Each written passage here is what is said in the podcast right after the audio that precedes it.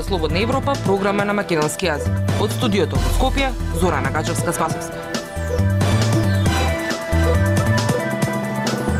Почитувани, јас следите од емисија на Радио Слободна Европа. Во неа објавуваме нередовното читање на струемерите, опасност да влезете во најскапата тарифа за струја. Кавадарци и Буча збратимени, прва донација на пат кон Украина. Кои се опциите на Европската Унија за избегнување на енергетската криза поврзана со гасот? Слушајте не. Независни вести и анализи за иднината на Македонија на Радио Слободна Европа и слободнаевропа.мк. Дел од граѓаните се жалат дека им пристигнуваат повисоки сметки за струја поради нередовното читање на струомерите од Евана. Откако ќе им пристигне порамнување по неколку месеци на читање на сметките, автоматски влегуваат во нескапата тарифа, односно во третиот блок на големи потрошувачи.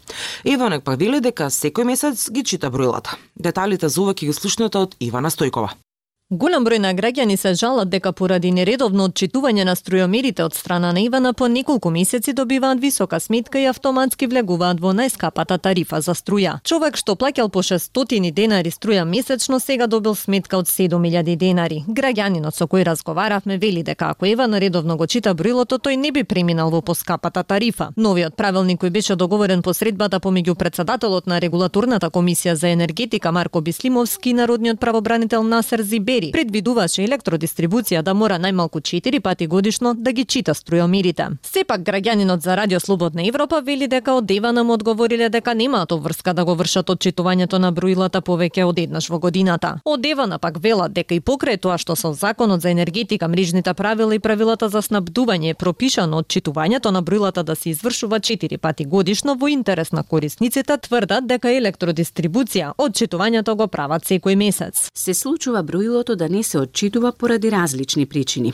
Корисникот е одсутен поради спречување на екипите за отчитување од страна на корисникот, поради непристапност до мерното место, лоши временски услови, боледување на отчитувачи, изолација поради коронавирусот и така натаму. Велат од Евана и додава дека доколку се случи да не е прочитано броилото за што се фактурира предпоставена вредност како просек од потрошувачката во последниве 12 месеци, корисникот може да пријави состојби преку веб страната evanoonline.mk, мејл, телефонски и во приемните канцелари на корисничките енергоцентри на електродистрибуција, пошто велат службите ќе ги направат соодветните корекции. По меѓувреме пак до народниот правобранител секојдневно пристигнуваат поплаки за Ивана кои се однесуваат на износот на потрошена електрична енергија каде што граѓаните добиваат повисоки сметки кои не соодвестуваат со износот на електрична енергија. Заменик народниот правобранител Јован Андоновски вели дека она што доведе до сериозен проблем и забуна кај граѓаните е дека и покрај тоа што цената порасна за околу 10 од 100 сите добија повисоки сметки мерки. Она што доведе до сериозен проблем за граѓаните и сериозна забуна секако кај сите нас,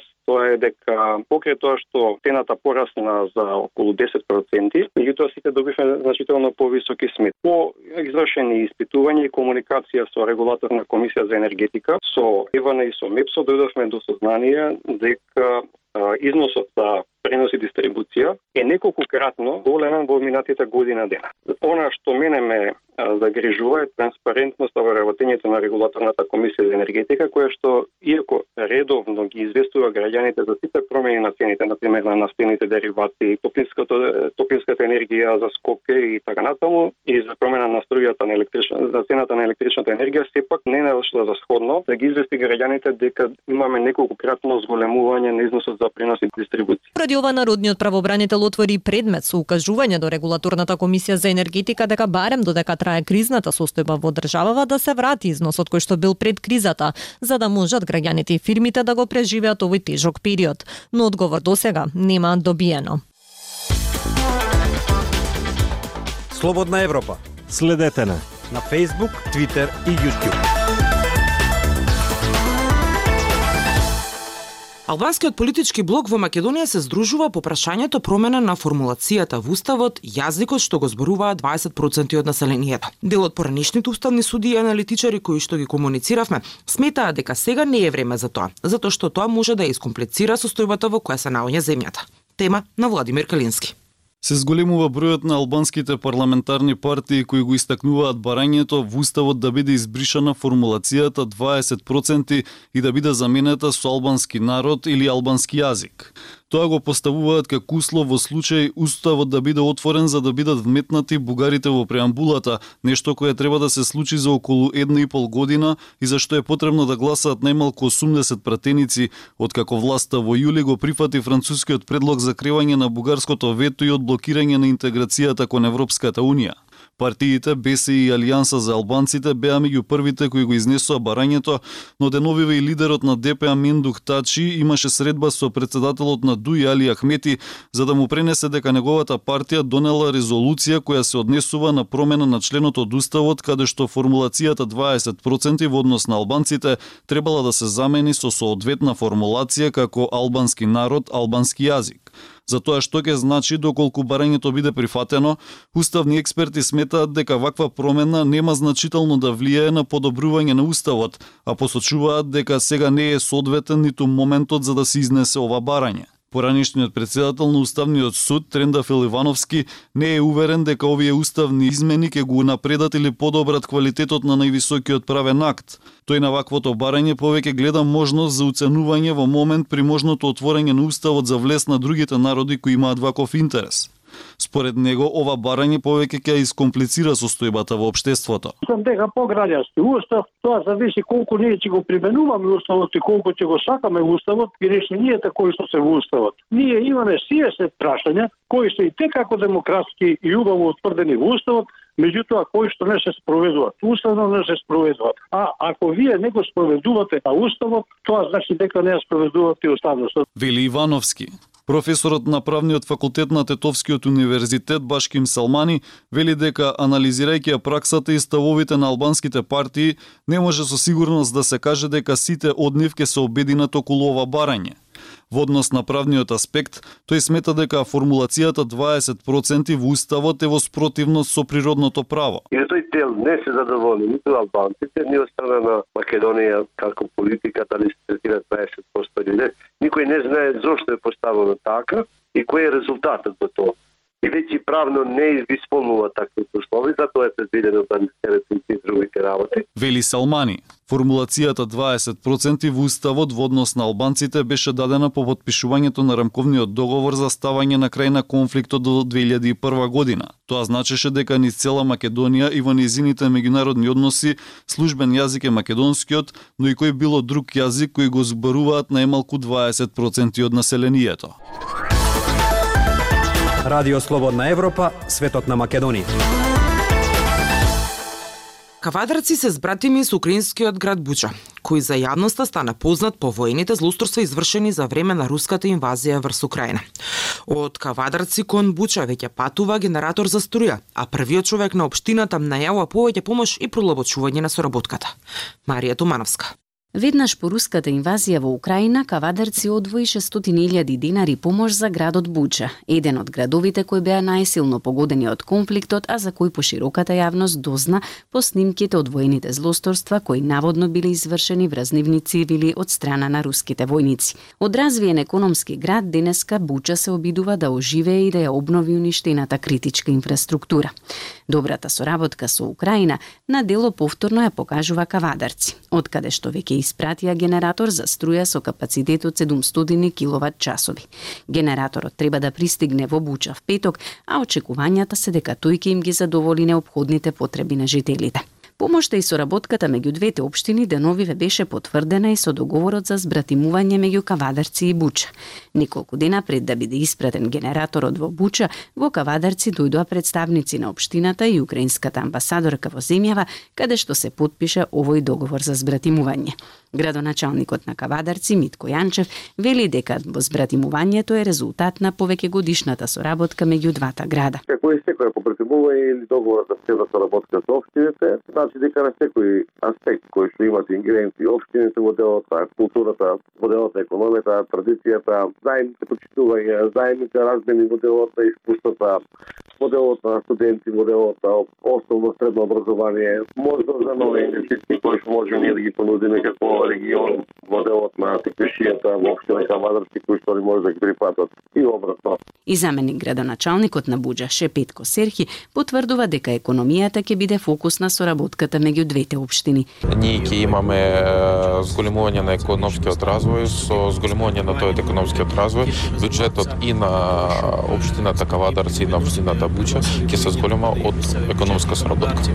Поради успешност на економскиот развој, луѓето ќе се остануваат да живеат во град Буча во град Кавадарци, ама и штом ќе покажуваме успех во развој на економиката, луѓе ќе сакат да се преселат и да дојдат да живеат во нашите градови. Инаку во Кавадарци во моментот живеат се думми на украински државјани кои поради војната го напуштиле својот дом.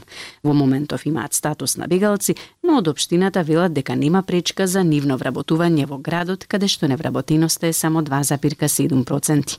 Збратимувањето на општините е позната пракса во дејствувањето на единиците на локалната самоуправа.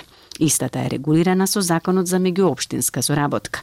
Одлука за воспоставување соработка со една или повеќе општини од други држави донесува Советот на општината со мнозинство гласови од вкупниот број членови. Предлог за воспоставување на меѓународна соработка поднесува градоначалникот на општината. Министерството за локална самоуправа во соработка со Министерството за надворешни работи ја следи и поттикнува меѓународната соработка на општините. Актуелности свет на Радио Слободна Европа. Необјаснетите уштетување на гасоводите Северен тек што минуваат под Балтичкото море ги урнаа надежите дека протокот на руски газ до Европа ќе проложи и оти ќе биде избегната енергетска криза оваа зима. Европската унија пак работи на тоа целосно да се отрне од зависноста од руски газ. Деталите од Гоце Танасов. Северен тек е неактивен од крајот на август. Исто така е прекинато снабдувањето со неколку европски земји како Бугарија, Данска, Финска, Холандија и Полска и сето тоа го намали протокот преку други гасоводи откако започна, како што Москва ја нарекува својата специјална воена операција во Украина. Русија вообичаено испорачува околу 40 насто од европскиот природен газ, главно преку гасоводи. Испораките во минатата година беа околу 155 милиарди кубни метри газ. Преку Украина гасот оди главно во Австрија, Италија, Словачка и други источноевропски држави. Украинскиот преносен систем прогласи виша сила на влезната точка на гасоводот со Крановка, што минува низ територијата окупирана од Русија на истокот на земјата но околу 42 милиони кубни метри дневно се уште се испумпуваат низ Украина преку рутата Суджа. Алтернативните рути кон Европа, кои не одат преку Украина, го вклучуваат гасоводот Јамал Европа, која минува низ Белорусија и Полска до Германија. Гасоводот Јамал Европа има капацитет од 33 милиарди кубни метри, што е околу една шестина од изводот на руски газ во Европа. Рускиот председател Владимир Путин предложи во октомври да се изгради центар за газ во Турција како алтернативен пат за снабдување, план поддржан од турскиот председател Реджеп Таип Ердоган. Некои земји имаат алтернативни опции за снабдување и европската газна мрежа е поврзана за да може да се делат испораките, иако глобалниот пазар на газ беше тесен дури и пред украинската криза. Германија, најголемиот европски потрошувач на руски газ, може да увезува газ од Британија, Данска, Норвешка и Холандија преку гасоводи. Норвешка, вториот најголем снабдувач на газ во Европа зад Русија, го зголемува производството за да и помогне на Европската унија да ја постигне својата цел да стави крај на зависноста од руските фосилни горива до 2027 година. Јужна Европа може да добие азербејџански газ преку трансјарданскиот гасовод до Италија и трансанадолскиот гасовод за природен газ преку Турција. Увозот на течен природен газ во Европа се зголеми од производители како што се Соединетите држави, Катар и други земји. Но непланинаните прекини во овие земји поради производствениот капацитет, инцидентите и климатските опасности може да го намалат снабдувањето. Европските терминали за течен газ исто така имаат ограничен капацитет за дополнителен увоз, а повеќе кратните бродови што превезуваат бако газ не може да обезбедат слотови за истовар на нивниот товар. Неколку нации пак може да се обидат да пополнат секоја празнина во снабдувањето со енергија преку зајакнување на производството на енергија од нуклеарни извори, обновливи извори, хидроенергијата или јагленот. Тоа беше се што ви подготвивме за оваа емисија. Со вас од студиото во Скопје беа Зора Нагажевска Спасовска и Дејан Балаовски. До слушање.